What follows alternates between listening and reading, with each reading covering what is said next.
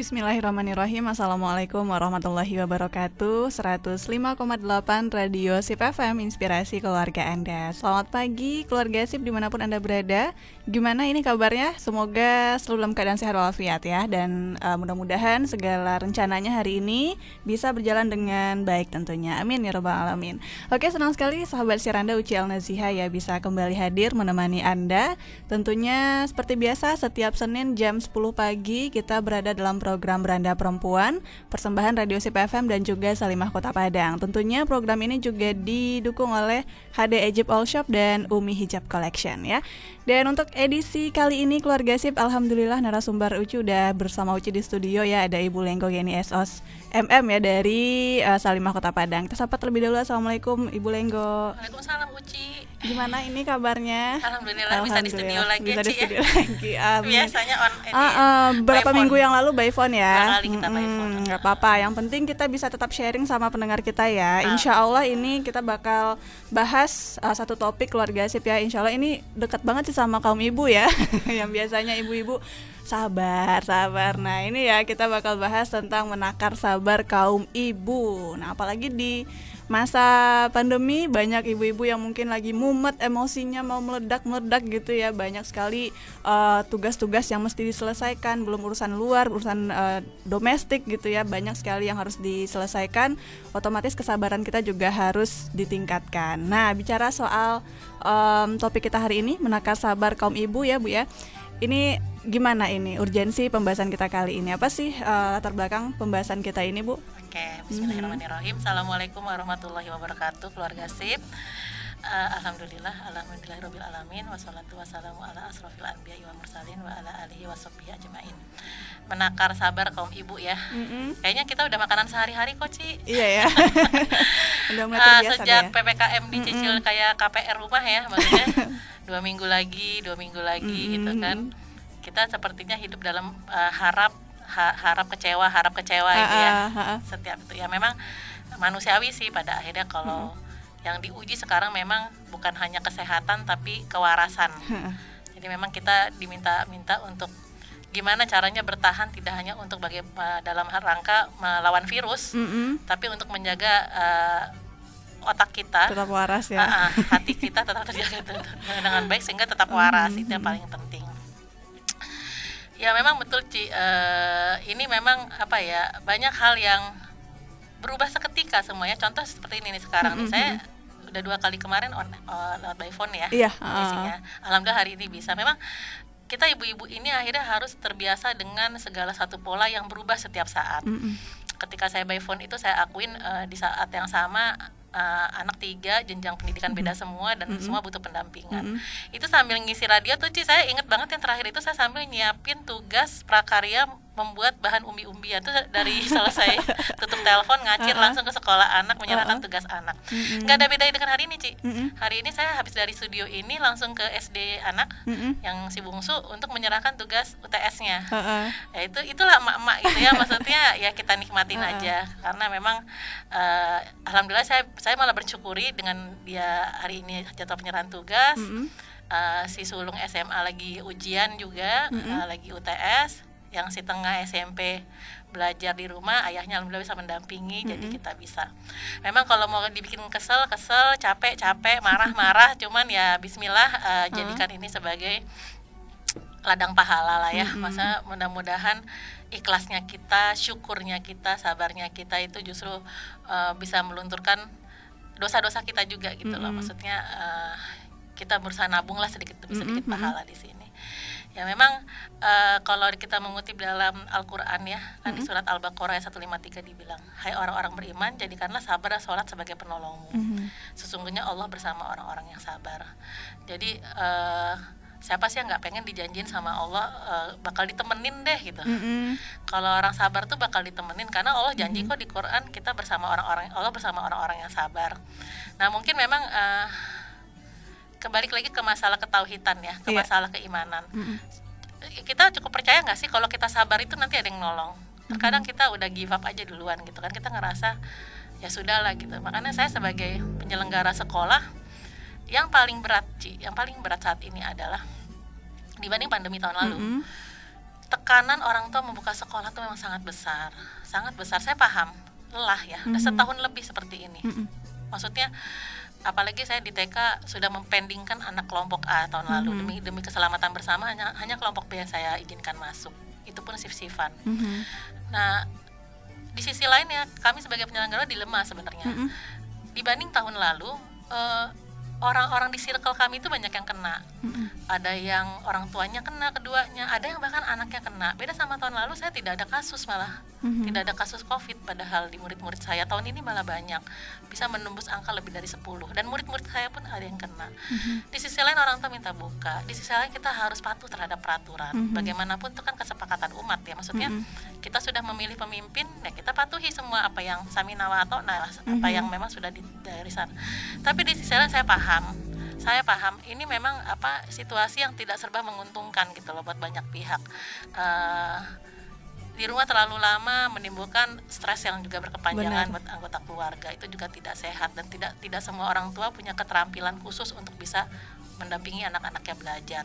Dan belum lagi dengan anak-anak yang tingkat pendidikan yang berbeda-beda. Itu mungkin akan me- apa ya menambah distrak jadinya isi kepala. Mm-mm. Tapi saya punya keyakinan gini Ci. Saya punya keyakinan makanya saya selalu menulis di status WA saya tuh isinya motivasi gitu loh. Saya suka salut sama ibu-ibu yang bisa eh, apa namanya melewati fase-fase kritisnya ketika dia harus dihadapi kondisi untuk eh, mendampingi anak, mempertahankan ekonomi keluarga di masa pandemi dan dan segala-galanya gitu. Dan juga memproteksi diri dari eh, kondisi pandemi saat ini. Tapi saya yakin setelah seiring waktu saya melihat eh, ini saya curhat dulu nih sebelum masuk ke Ah, materi. Oke. Jadi eh, di sekolah saya itu ada satu eh, momen di mana ada sesi mengumpulkan tugas anak, anak kita kan TK ya.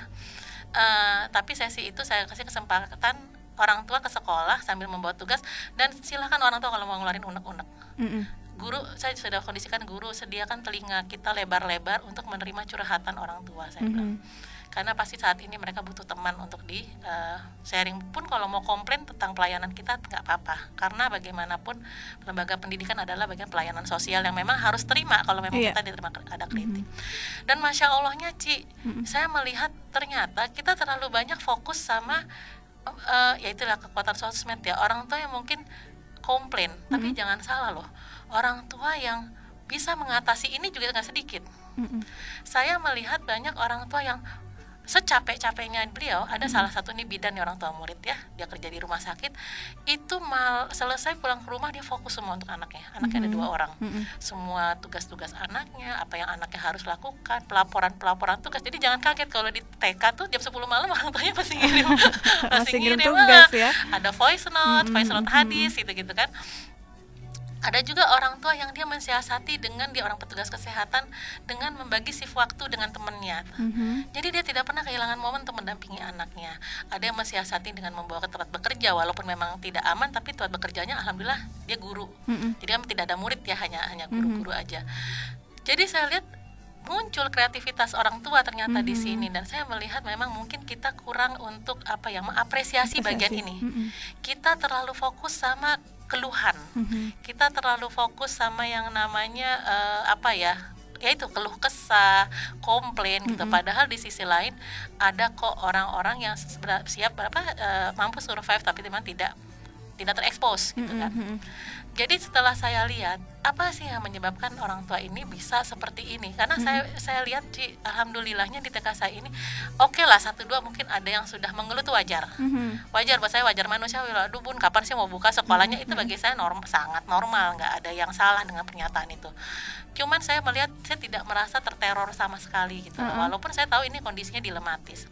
Nah ternyata setelah kita mencari literatur apa sih yang membedakan? Kok perempuan bisa bisa ya? Ternyata bisa kok kaum ibu dengan segala kompleksitas perempuan yang sama Allah dikasih tugasnya eh, hamil, melahirkan, menyusui, kita juga ada period ya datang bulan tiap bulan, menghadapi mood swing kita ketika PMS. Sebenarnya Allah sudah mengkondisikan kita memang perempuan yang udah harusnya siap dalam segala kondisi. Dikasih yang terberat sekalipun hamil 9 bulan malah kadang-kadang isinya kembar tiga gitu.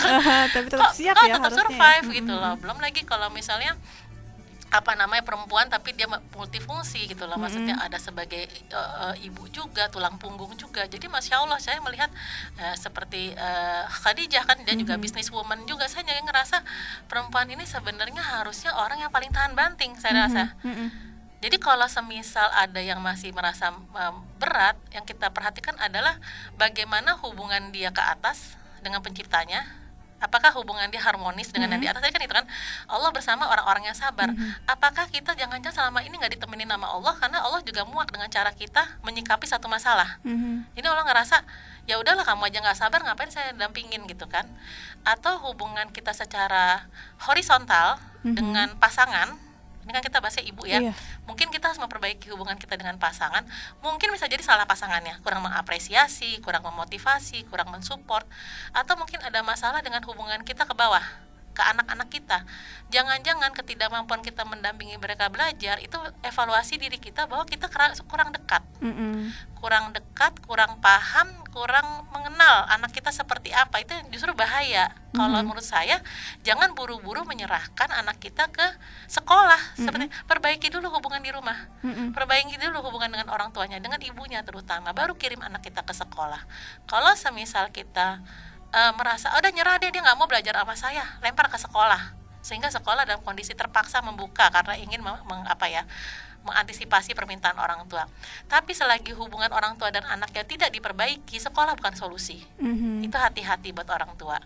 Nah, jadi sebenarnya kalau kita mau introspeksi diri, perempuan itu sebenarnya punya ciri khas yang memang mm-hmm. harusnya dia lebih sabar daripada laki-laki. Mm-hmm. Nah, pertama kalau perempuan itu kan lebih jago ya komunikasi ya yeah. dibanding dengan pria. Mm -hmm. Jadi mereka bisa fokus uh, dalam mencari solusi gitu. Jadi gimana caranya mereka bisa mencari solusi yang diterima oleh semua pihak dan mereka juga bisa menggunakan komunikasinya itu nggak sebatas komunikasi verbal ya mereka bisa juga uh, mengerti kata-kata seperti em empati memahami bahasa gestur gitu loh mm -hmm. dia bisa memahami emosi orang lain sedangkan kalau laki-laki itu berorientasi pada tugas. Jadi mereka sedikit bicara banyak bertindak. Jadi tindakannya uh, ya, lebih jadi, dominan ya. Iya, jadi pria tuh susah memahami emosi.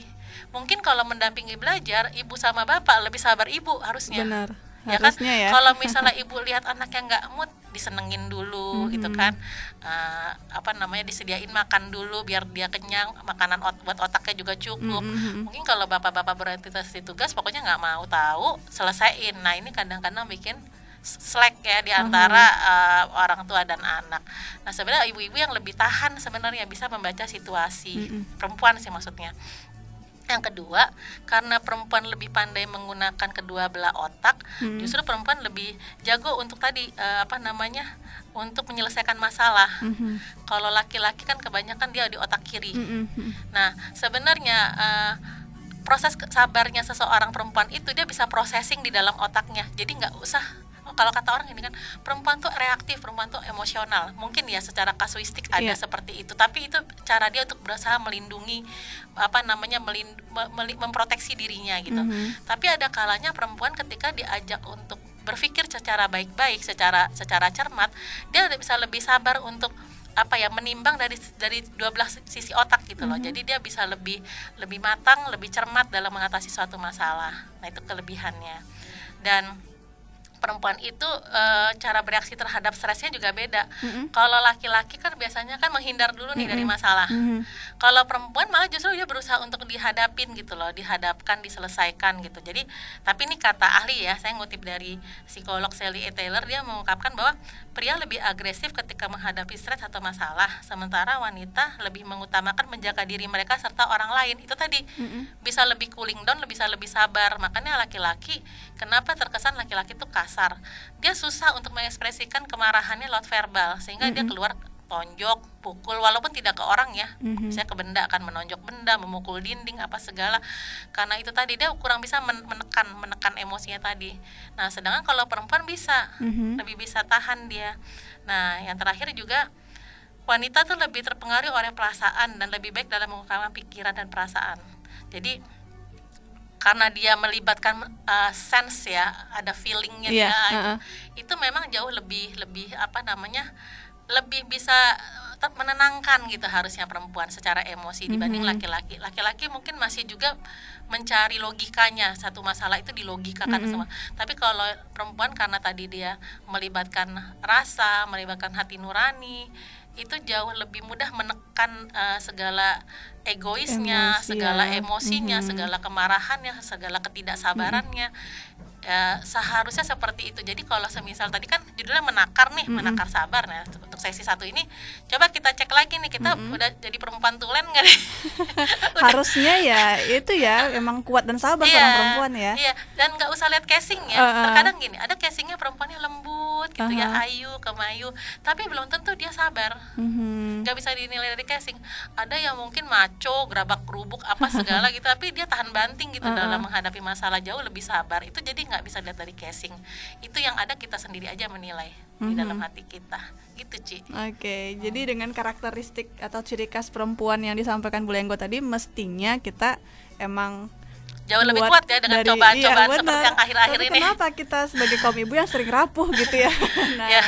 ini menjadi pertanyaan juga. Nah, kira-kira sabar itu ya seperti apa sih? Mungkin nanti ada juga beberapa contoh yang bakal dikasih uh, Bu Lenggo gitu ya. Sabar kata orang juga tuh sabar itu uh, ada batasnya Ah, katanya itu ya. Nah, tapi sebenarnya sepa- seperti apa sebenarnya ya? Dan juga kita mengundang atensi pendengar kita nih Bu Lenggo ya yang ingin bertanya ataupun mau sharing, mau curhat juga boleh ya. Silakan kirimkan melalui WhatsApp kita di 082268114887. Nanti bakal kita lanjutin lagi pembahasan kita mengenai sabar ini ya bersama Ibu Lenggo Geni tentunya. So, tetap setia di 105,8 Radio Sip FM, inspirasi keluarga Anda.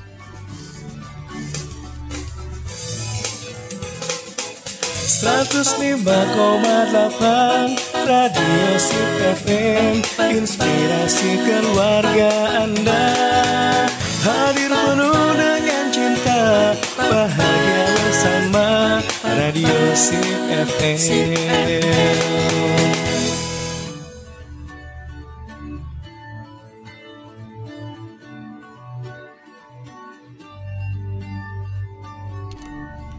.8 Radio Sip FM Inspirasi keluarga Anda. Masih di Beranda Perempuan ya Keluarga Sip Dan tentunya kita masih membahas tentang menakar sabar kaum ibu. Nah buat Anda yang ingin bertanya Ataupun mau sharing Silahkan kirimkan pertanyaannya Melalui WhatsApp kita ya Di 0822 68114887 Dan juga siaran ini bisa Anda dengarkan melalui live audio streaming di www.sipfm.com.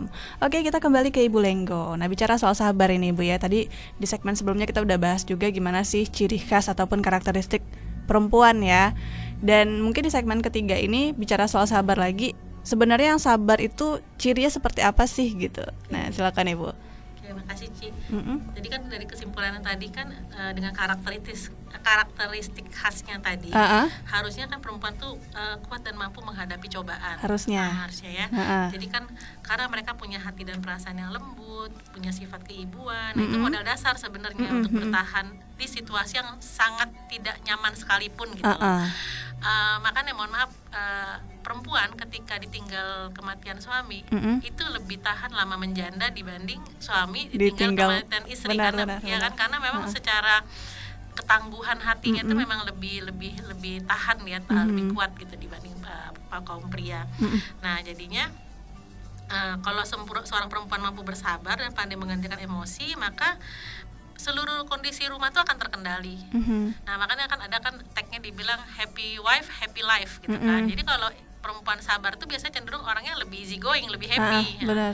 makanya kalau bisa eh, para suami dibikin happy istrinya eh, biar kehidupan juga lebih menyenangkan gitu loh. Mhm. Jadi istilahnya kita mensurgakan rumah kita lah. Jangan sampai eh, rumah menjadi neraka gara-gara kita kurang sabarnya tadi gitu loh. Mhm, mhm. Nah, kalau misalnya eh, kita kurang terampil ya dalam dalam pa- masalah kesabaran ini otomatis pasti akan mengganggu tatanan sosial. Memang sederhana aja lah. Ibu yang kondisi emosinya lagi nggak stabil, lagi eh, lagi kurang untuk bersabar, pasti akan menghadapi anak yang rewel Mm-mm. gitu kan. Terus eh, suami mungkin yang komplain gitu kan. Itu yang bikin seharusnya memang suami tidak komplain dalam saat ini ya membantu ya. Cuman kadang-kadang malah justru merusak tatanan gitu. Nah, ini yang kita antisipasi sebisa mungkin kalau memang menghadapi situasi yang sangat tidak tidak nyaman sama sangat tidak nyaman bagi kita usahakan kita untuk cooling down dulu Mhm. cooling down dulu untuk mengembalikan agar uh, posisi kita uh, kembali stabil nah, itu yang Mhm. paling penting Oke. nah, Nah, terusnya Mhm. yang perlu diperhatikan lagi Ci sabar Mhm. itu tuh bukan pasrah ya mhm, Nah, beda sabar eh, sabar sama pasrah beda. Kalau pasrah itu nggak ngapa-ngapain gitu loh, nggak ada ikhtiar. Mhm, Ya udah, maksudnya mungkin contohnya kalau sekarang lagi zaman-zaman anak kita daring, ya udah kita nggak bantuin bantuin dampingin enggak eh, jadi teman diskusi anak juga enggak pasrah Mhm. aja gitu pokoknya ya udahlah kalau Mhm. bisa dikerjain dikerjain kalau enggak ya udah nah itu pasrah sabar itu mungkin kita juga berusaha untuk mencoba belajar gitu loh mhm, uh, mencoba mencoba belajar lagi, mencoba mencari tahu lagi itu itu yang paling penting. mhm. Nah, yang berikutnya juga uh, sabar itu aktif ya, Oke. bukan pasif. Nah, jadi kalau keadaan tidak sesuai dengan apa yang kita inginkan, tetap harus kita perjuangkan. Mhm, Jadi jangan sampai nanti kita uh, apa ya, udah merasa cepat cepat nyerah aja gitu, itu yang Mm-mm. bahaya. Jadi kita Mm-mm. harus tetap uh, uh, aktif uh, dalam usaha dan belajar ketika menghadapi masalah, ketika menyelesaikan masalah dan bahkan ketika beribadah dan terkena musibah. mhm. Nah, itu kita harus senantiasa terus aktif. Nah, berikutnya Oke. juga kesabaran tuh nggak berbatas ya. Mhm, Misalnya kalau ada orang bilang, "Kan sabar ada batasnya." Enggak, itu kita membatasi diri sendiri. mhm, Eh, yang, yang bikin batasan itu manusia gitu loh. Mhm. Eh, sebenarnya eh, kalau kita udah sempat terlontar ya dari mulut kalau kita bilang eh, sabar tuh ada batasnya, tandanya kita sudah give up, udah Mhm, nyerah, mhm, udah mhm. nyerah dengan kondisi dan kita nggak mau lagi berikhtiar. Tapi eh, jadi eh, kalau bisa jangan pernah membatasi kesabaran karena itu efeknya nggak baik. Mhm. Kenapa? Karena kita membatasi usaha kita untuk meraih sesuatu. mhm. Nah, kayak kita balik lagi ke masa pandemi ini, ini menurut ahli kan ini kan nggak akan berakhir segera, Mm-mm. bisa jadi lima tahun lagi. Mhm. Kalau kita belum apa-apa sudah mengubah mindset kita, sepertinya kita eh, menyangkal ya denial bahwa udahlah ini ini udah nor- normal lagi kok semua. Nah itu kita sudah sudah sudah sudah apa ya sudah menyerah dengan kondisi pandemi ini. Padahal kita tidak usah paranoid, tapi kita nggak boleh juga abai Mhm. gitu loh. Eh, yang perlu adalah kita tetap waspada. Nah, yang kita, saya yang kita khawatirkan adalah ketika kita udah kehilangan kesabaran, kita udah menyerah dengan kondisi ini semua yang pada akhirnya nanti ada lagi gelombang ketiga, ada lagi gelombang keempat karena tadi kita udah sudah sudah menyatakan diri sudah bendera putih lah sudah menyerah dengan kondisi semua ini. Nah, jadi eh, kalau bisa tadi itu ya eh, sabar itu bukan pasrah, sabar itu bukan pasif dan sabar itu tidak tidak ada batasnya. Nah, contoh aplikasi kesabaran nih, eh, saya paling seneng contohin nih tentang ibu dengan dengan dengan dengan kondisi daring sekarang sih karena Ah, saya kan eh, punya lembaga pendidikan ya. Mhm.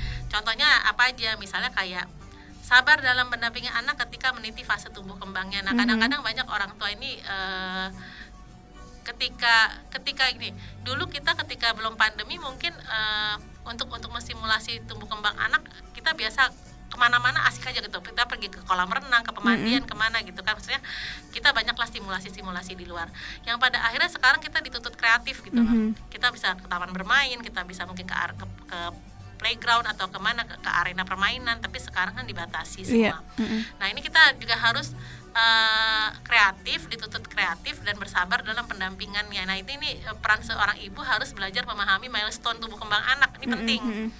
Eh, karena sekarang tidak bisa semua melulu diserahkan kepada lembaga luar. Mungkin dulu zaman zaman dulu anak umur 2 tahun udah bisa di playgroup-kan gitu Iya, kan, tiga tahun heeh. udah bisa di playgroup-kan, dibantu simulasi tumbuh kembangnya. Nah sekarang kalau tempat yang paling aman untuk anak-anak adalah di rumah, memang sekarang dituntut seorang ibu yang bisa eh, lebih kreatif, lebih lebih smart lagi untuk memantau tumbuh kembang anaknya Mhm. sehingga anaknya bisa bertumbuh dan berkembang secara normal eh, walaupun di tengah pandemi. Nah itu yang paling penting Mhm. ada juga sabar dalam mengajarkan adab dan perilaku baik. Nah, bila selama ini adab-adab itu diajarkan di sekolah, usahakan juga anak-anak itu belajar juga adab di rumah. Iya. Nah, makanya Ci, saya di eh, TK saya nih selama pandemi untuk yang daring memang fokus untuk pembelajaran yang memang itu jatah orang tua yang harusnya mengajarkan. Mhm, Contoh, mhm.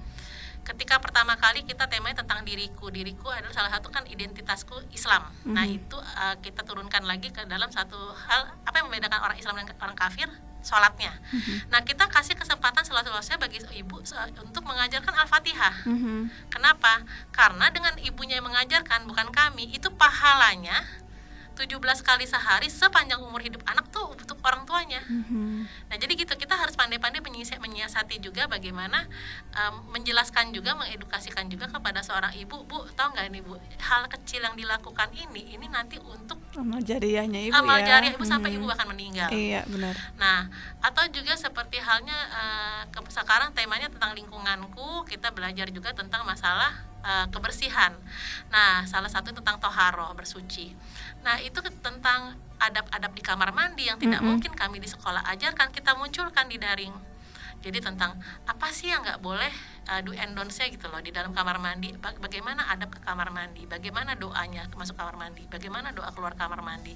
Dan di mana sih yang nggak boleh buang air? Itu kan ada hadis-hadisnya lengkap. jadi itu penting orang tua langsung mengajarkan kenapa karena ada sentuhan tidak boleh di situ kan mengajarkan anak membersihkan kotorannya gitu kan jadi sebenarnya yang kita harapkan adalah ketika kita menjadi pendidik juga harus pandai-pandai melihat situasi juga. Kalau mm -hmm. memang sekarang ini TK ya, kalau SD kan kita bicara kurikulumnya udah baku. Kalau kita bicaranya bicara udah uh, apa namanya sesuatu hal yang sifatnya sensitif itu mm -hmm. memang bagus daring itu di daring itu orang tua yang terlibat gitu. Mm -hmm. Nah, ini kita motivasi aja orang tuanya untuk memunculkan kesadaran orang tua, kesabaran orang tua bahwa hal-hal seperti ini ini memang porsinya mereka. Iya. Nah itu kita dampingin gitu. Nah ada juga sabar dalam mengajarkan anak mempelajari satu hal yang baru. Nah mm-hmm. kadang-kadang nih anak-anak balita ini kan ini apa? Itu Saya ingin tahunya tinggi ya. Tinggi. Mm-hmm. Nah itu memang dituntut kesabaran kita untuk uh, jangan biasakan apa-apa googling untuk anak balita. Kenapa? Karena uh, itu dua pisau bermata dua ya. Mm-hmm. Terlalu terbiasa dengan gadget, internet yang baik terbuka, yang buruk pun juga terangkut. Nah ada juga sabar ya tadi karena dia ingin mempelajari satu hal yang baru sabar dalam menjawab pertanyaan anak dan sabar dalam menghadapi proses belajarnya nah ditekankan juga dalam hal selama pandemi ini mungkin yang kita harus uh, tekankan uh, orang tua tolong jangan lagi menuntut nilai pada anak. Mm-hmm. Tenang aja sekarang tidak ada UN. Mm-hmm. Sekarang untuk mendapatkan sekolah itu dengan sistem zonasi. Jadi uh, belajar untuk tidak terlalu menuntut tidak mm -hmm. terlalu apa ya berorientasi nilai, yeah. tapi berorientasi kepada bukan ber, ber, berorientasi pada nilai angka, tapi berorientasi pada nilai moral, mm -hmm. kejujuran gitu seperti itu. Jadi lagi zaman sekarang ya? Iya, mm -hmm. zaman sekarang susah kayak anak saya tadi tuh mm -hmm. uh, ujiannya kan online. Mm -hmm ya itu dia dia bilang masih ada aja temennya japri minta jawaban tapi alhamdulillah dia bertahan dan dia hmm. memang sangat terbuka dengan kami kami cuma bilang e, nanti merugikan kawannya dan merugikan kamu juga karena habis waktu kamu ngeladenin temen sedangkan hmm. kan berbatas waktu jadi intinya apa ya e, kita lagi musim UTS nih ibu-ibu lagi musim midtest hmm. anak-anak kita tolong jangan terlalu menuntut harus bernilai seperti apa gitu kita pahami aja kondisi memang tidak memungkinkan mm-hmm. kita bukan orang tua murid yang bisa memahami segala bidang mata pelajaran satu dua miss masih oke okay lah misalnya mm-hmm. dalam arti mungkin saya orang sosial mungkin saya tidak pandai mengajarkan anak saya IPA dan matematika yang mungkin nanti efeknya di situ ya kita kita ini aja kita yang penting kita jujur dan kita pahami di mana letak salahnya gitu mm -hmm. kita pahami kita kita pahami mungkin anak kita gagal di ujiannya tapi kita pahami juga mana soal-soal yang memang masih kesulitan dan itu harus di, di, di, dilatih lagi uh-huh. dan juga sabar jika ikhtiar kita dalam mendidik anak belum menunjukkan hasil yang maksimal itu mm-hmm. juga penting mm-hmm. jadi uh, uh, kita menikmati aja prosesnya mengenai mm-hmm. hasil ya sudahlah gitu kan karena bagaimanapun kan uh, usaha tidak uh, hasil eh, usaha tidak membohongi hasil apa hasil tidak membohongi usaha Ci? Hasil tidak akan membohongi uh, usaha. Hasil ya? tidak akan membohongi usaha. Paham. Kita kan lagi lagi usaha kita kan mm -hmm. lagi nggak maksimal. Iya benar. Sekolah nggak maksimal, mm -hmm. proses belajar nggak maksimal. Jadi kalau semisal nanti hasil ujian tengah semester anak kita tidak sesuai ekspektasi kita, mm -hmm. saya rasa tidak usah terlalu menambah stres lagi pada mm -hmm. anak dengan memarahi, dengan menuntut karena apa? Hati kecil mereka pun mereka juga sudah uh, tidak sabar juga dengan kondisi mm -hmm. ini gitu ingin segera kembali ke sekolah ketemu teman-temannya ketemu gurunya dan ketemu lagi situasi belajar mm -hmm. yang mm-hmm. normal jadi seperti itu jadi karena mendidik anak jadi apa ya mendidik anak tuh memang uh, sekarang ini ujung tombak mendidik anak itu tidak hanya guru gitu iya. orang tua juga mm-hmm. dan bayangkan betapa besar eh, harapan uh, anak tertompang ke kita sebagai mm-hmm. ibu gitu loh uh, dia di pastilah mereka insecure dengan kondisi mm-hmm. seperti ini jadi mereka berharap tempat berlindung satu-satunya adalah orang tuanya terutama ibu jadi usahakan uh, kepada kita anak bisa mengapa ya bisa mengekspresikan segala kesulitannya, Mhm. hambatannya itu dia bisa mau terbuka dan jujur sama kita dan kita harus senantiasa itu tadi Mm-mm. bisa sabar meladeninya itu Ci. Hmm, Nah itu baru satu aspek loh keluarga sip ya dalam mendidik anak ya, Iya. belum lagi hal-hal lain yang memang banyak sekali ibu-ibu Betul, harus belum lakukan lagi ya. menghadapi suami. Mm-mm. Saya kadang-kadang suka miris, saya dapat japrian dari teman Salimah juga dari Nana ya, Naya. Eh, Kak, teman Nana banyak yang lagi proses mau cerai. Aha, gitu. benar-benar. Eh, itu juga buat saya ironis gitu loh. Iya, Mungkin ha. eh, ya banyak kita dituntut kesabaran sih Benar. dalam hal ini ya. Mhm. Mungkin kita lagi ada kesempitan rezeki atau apa gitu. Memang walaupun eh, mungkin orang akan bilang ya situ enak bisa ngomong aja karena nggak mengalami gitu loh. Aha. Kami ini yang mengalami. Mm-mm. Ya itu tadi kalau kita ingin Allah kayak saya ngambil aja eh, kutipan ayat Al-Baqarah tadi ya kalau memang Allah kita senantiasa butuh Allah, Allah Mhm. senantiasa ingin bersama kita, sabar satu-satunya kunci gitu loh. Mhm. Sabar dan sholat karena eh, sabar itu tadi lagi tadi tetap berikhtiar, tetap aktif dan tidak ada batasnya. Jadi Mhm. eh, jangan salah kaprah dengan kata sabar gitu loh. Maksudnya ya dari kemarin disuruh sabar, sabar. Diem aja Ah, gitu ya, bukan- pasrah bukan aja. pasrah, bukan pasrah. Sabar itu ada Aha. ada ikhtiar termasuk suami yang kalau kita menghadapi suami, suami yang mungkin lagi ter- terpuruk dari segi finansial. Mm-mm. Ya sabar kita tuh bukan kita hanya apa ya hanya pasrah meng- apa dengan kondisi yang terhimpit, tapi mungkin sama-sama membangun membangun motivasi lagi Mm-mm, gitu loh. mm-mm. Mungkin kalau buat laki-laki ya tadi itu karena dia secara emosi kurang tertata dengan baik, kita yang tunjukkan jalannya mungkin. Mm-mm. Eh, ya gimana kalau kita eh, jualan ini gitu Mm-mm. Jualan ini kayaknya seru juga nih. Ini bisa nih kita bikin nih kita jual rame sama-sama. Nah itu kadang-kadang laki-laki kan butuh. Nah itu bagian dari sabar sih Iya, sebenarnya. Mhm. diikhtiarin didampingin disupport dimotivasi itu bagian dari sabar. Mhm. Belum lagi nanti urusan mungkin ibu-ibunya bekerja kali ya di luar, belum lagi urusan eh, tetangga sama tetangga itu segala macam banyak yang harus disabarin ya. iya betul Tapi sabar bukan berarti kita harus diam, harus pasrah, menerima, menunggu aja, tapi kita juga harus aktif ya dan juga terus berikhtiar tentunya ya Bu ya. Oke. Nah, bicara soal sabar lagi ini keluarga ya. gimana sih Bu eh, tips agar kita bisa menjadi seorang ibu yang benar-benar sabar gitu ya. Nah, nanti bakal kita bahas eh, lebih lanjut bersama Ibu Lenggo tentang tips untuk eh, membuat kita menjadi lebih sabar gitu ya. Karena sabar itu kayaknya nggak mudah juga bagi setiap orang beda-beda Oh, iya, gitu ya. Betul, nah, betul. nanti bakal kita bahas. Keluarga sip tetap setia di 105,8 Radio Sip FM, inspirasi keluarga Anda. Seratus lima koma delapan Radio Sip FM Inspirasi keluarga Anda Hadir penuh dengan cinta Radio Sip FM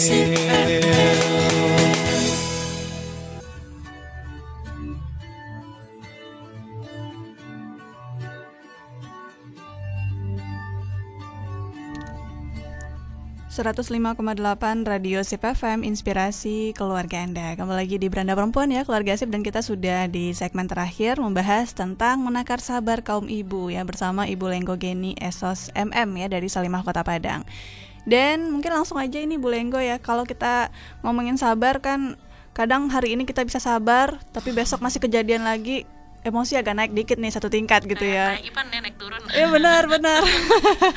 Naik turun gitu ya emosinya gitu loh. Sebenarnya kan kita pengen gitu ya kita apalagi sebagai seorang perempuan yang terkenal dengan sifat keibuannya, dengan hatinya yang lembut gitu ya. Harusnya kan kita bisa sabar nih. Tapi ketika ada aja yang bikin kita emosian, ini naik lagi eh, ininya ya emosiannya. Nah gimana sih cara eh, kita memupuk rasa sabar itu agar kita memang bisa menjalankan hidup ini dengan penuh kesabaran dan juga ikhtiar kita kepada Allah gitu. Bismillahirrahmanirrahim. Ya Ci, kalau kita bicara sabar, eh, saya suka gini Ci, eh, sebelum kita bicara tips yang lebih detail Uh-uh, ya. uh-uh. eh, usia saya udah sekian, saya sebut lagi lah, udah udah udah banyak makan eh, masa- makan Udah asam senior. garam ya. Kadang-kadang gini, ini pandemi ini kan sudah hampir mau dua tahun ya. Iya, mm-mm.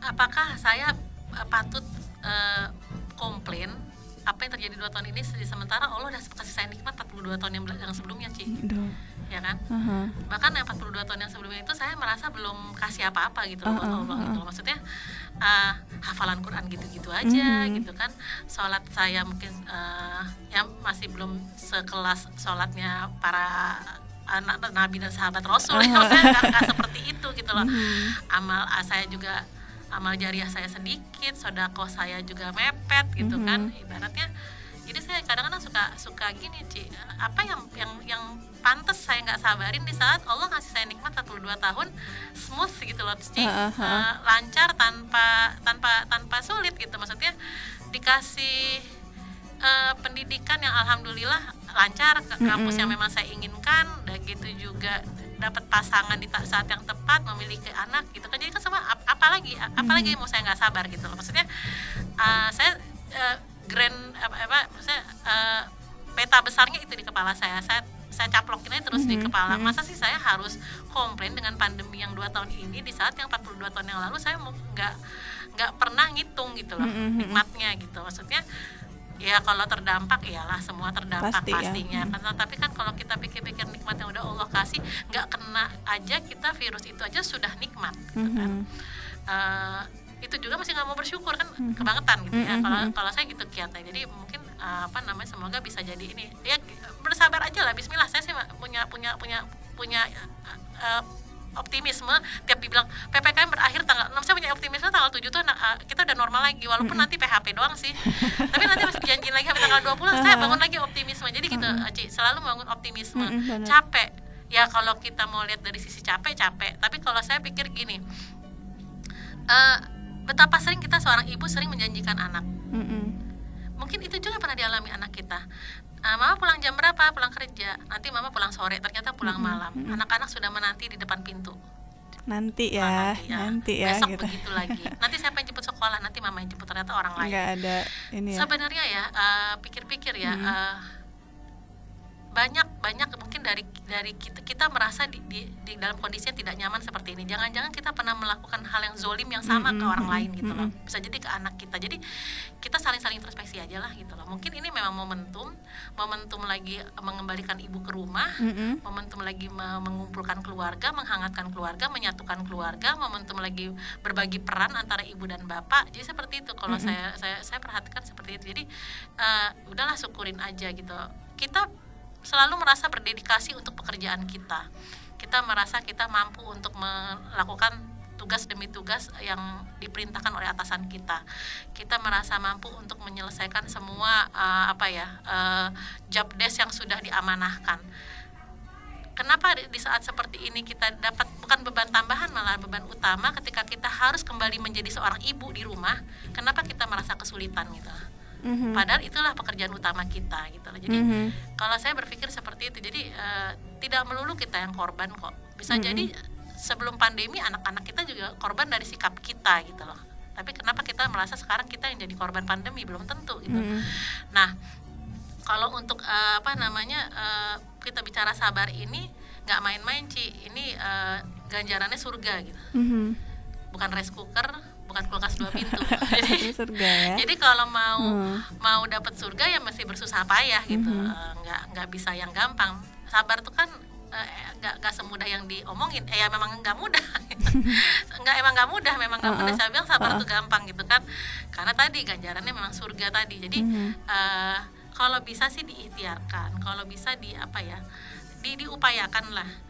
Uh, bersemangat lah kita jadi ibu yang sabar. Mm -hmm. Jadi kalau kita mau bicara tips ya pertama kita ada ikhtiar untuk berlatih lah Ci untuk sabar. Mm -hmm. Nah, jadi bertahap lah. Mungkin kita nggak bisa langsung bisa sabar gitu kan. Mungkin gini rumah berantakan karena anak. Oke. Okay.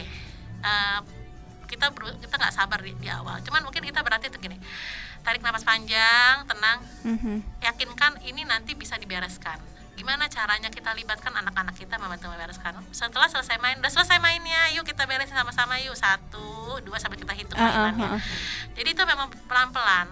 Tapi kalau kita dengan cara yang salah kita nggak sabar nih. Akhirnya kita sambil ngomel kita lemparin tuh mainan ke keranjang tapi sambil mulut ngomel ngomel juga. Nah itu tandanya kita belum sabar. Uh -uh.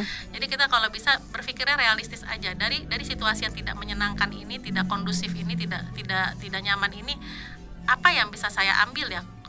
Eh, gimana caranya satu yang tadinya sangat destruktif ya kacau banget jadi konstruktif. Itu tadi kita kita sambil ngajarin anak kita gimana sih caranya dia untuk clean up the room gitu loh. Bersih bersih beres beres gitu kan. Sambil belajar berhitung mengklasifikasi warna mainan mengklasifikasi jenis mainan itu kan sebenarnya udah jadi program pendidikan. Nah jadi pelan pelan aja pelan pelan mungkin nggak langsung jadi jago tapi pelan pelan kita berdamai aja. Berdamai dengan situasi rumah yang berantakan tenang dulu. Uh, dan apa itu berproses gitu loh nggak bisa langsung anak-anak pun juga perlu contoh Iya. kita contohin dulu gitu kita contohin dulu seperti apa yang benar Mhm, jangan sampai nanti anak-anaknya nyontoh ibunya marah-marah Ya, ngomel-ngomel gitu ya. akhirnya akhirnya anaknya disuruh beresin ternyata Juga dengan gaya ngomel ngomel-ngomel ya. juga gitu jadi uh, children see children do Uh, gitu uh, uh. yang gaya emaknya ditiru sama gaya anak Oke. Nah, terus uh, ya, ya senantiasa berdoa lah ya ya. Allah. Mhm. Uh, kadang kita kalau sudah emosi kita sudah memuncak ya memang paling pamungkas tuh ambil wudhu ya, ambil Mhm. wudhu terus duduk bareng sejenak gitu. Ya udahlah nikmatin aja. Saya sudah melewati fase yang anak-anak berantakin rumah karena udah udah besar-besar ya, 6 SD, 2 SMP, 1 SMA.